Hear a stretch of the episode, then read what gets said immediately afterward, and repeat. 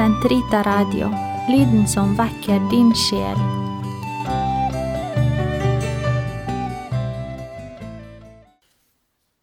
Den katolske kirkes katekisme på ett år. Uke én, lørdag. Fra tredje hoveddel Livet i Kristus. Paragraf 1691 til 1698. Kristenmenneske, gi akt på din verdighet. Siden du nå har del i den guddommelige natur, fall da ikke tilbake i fortidens misgjerninger. Kom i hu hvilket hode du har, og hvilket legeme du er lem på.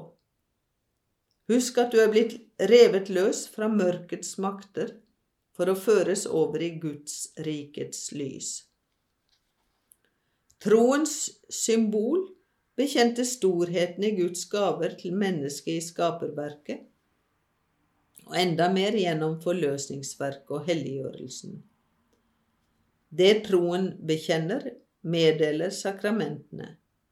Ved sakramentene, som har gjenfødt dem, er de kristne blitt Guds barn.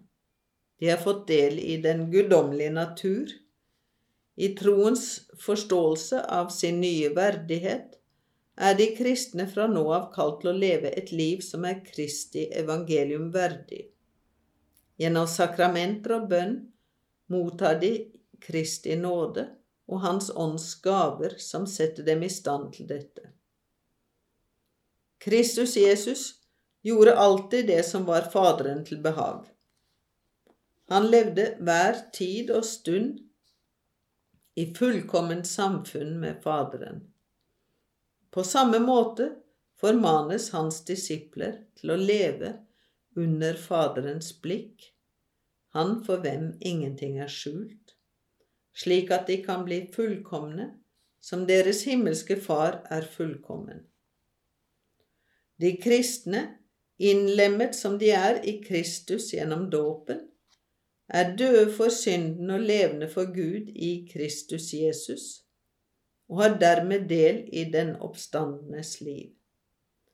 I Kristi etterfølgelse og i forening med ham kan de kristne bestrebe seg på å ligne Gud som hans kjære barn og følge kjærlighetens vei ved å la Kristi sinnelag prege tanker, ord og gjerninger, og ved å leve etter Hans eksempel.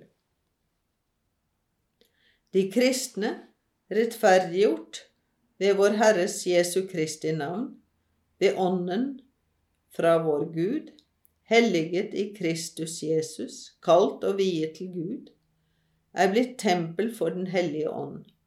Sønnens ånd lærer dem å be til Faderen, og siden de har fått sitt liv i kraft av Ånden, er det Ånden som kaller dem i deres ferd, slik at de kan bære Åndens frukter ved en virksom kjærlighet. Den hellige ånd leger syndens sår og nyskaper oss ved å forvandle vårt sinn. Han opplyser oss og styrker oss slik at vi kan leve som lysets barn ved å vise godhet, rettferd og sannhet i alle ting. Kristi vei fører til livet, den motsatte vei fører til undergangen. Evangeliets lignelse om de to veier er alltid til stede i Kirkens trosundervisning. Den viser hvilken betydning moralske valg har for vår frelse. Det finnes to veier, livets vei og dødens vei, og forskjellen mellom dem er stor. I trosundervisningen er det viktig å fremheve klart den glede og de krav Kristi vei fører med seg. Undervisningen om det nye liv i ham skal være en Helligåndens katekese, han som er den indre læremester i livet etter Kristus, den kjære gjest og venn som ansporer, leder, beriktiger og styrker dette livet. En nådekatekese, for det er ved nåde vi er frelst, og det er ved nåde våre verk kan bære frukt til det evige liv. En saligprisningskatekese, for Kristi vei sammenfattes i saligprisningene, den eneste vei som fører til den evige lykke menneskehjertet lengter etter. En katekese om synd og tilgivelse, foruten å vedgå at det er synder, kan ikke mennesket kjenne sannheten om seg selv. Denne sannheten er forutsetningen for å kunne handle rett, og uten at tilgivelse bys, ville den ikke være i stand til å bære. En katekese i menneskelige dyder som gjør det mulig å begripe hvor vakkert og tiltrekkende det er å være innstilt på å gjøre det gode.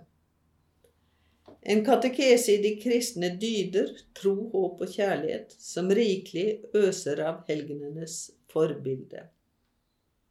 En katekese i det dobbelte bud om kjærlighet, slik det utfoldes i dekalogen. En kirkelig katekese, for det er i den mangfoldige utveksling av åndelige goder i de hellige samfunn at kristenlivet kan vokse, utfoldes og formidles. Katekesens fremste eksempel og siste mål vil alltid være Jesus Kristus selv, Han som er veien, sannheten og livet. Det er ved å skue hen til ham i tro at Kristi troende kan nære det håp at han selv vil oppfylle i dem det han har lovet, og at de, ved å elske ham med den kjærlighet han selv har elsket dem med, kan gjøre verk som svarer til deres verdighet.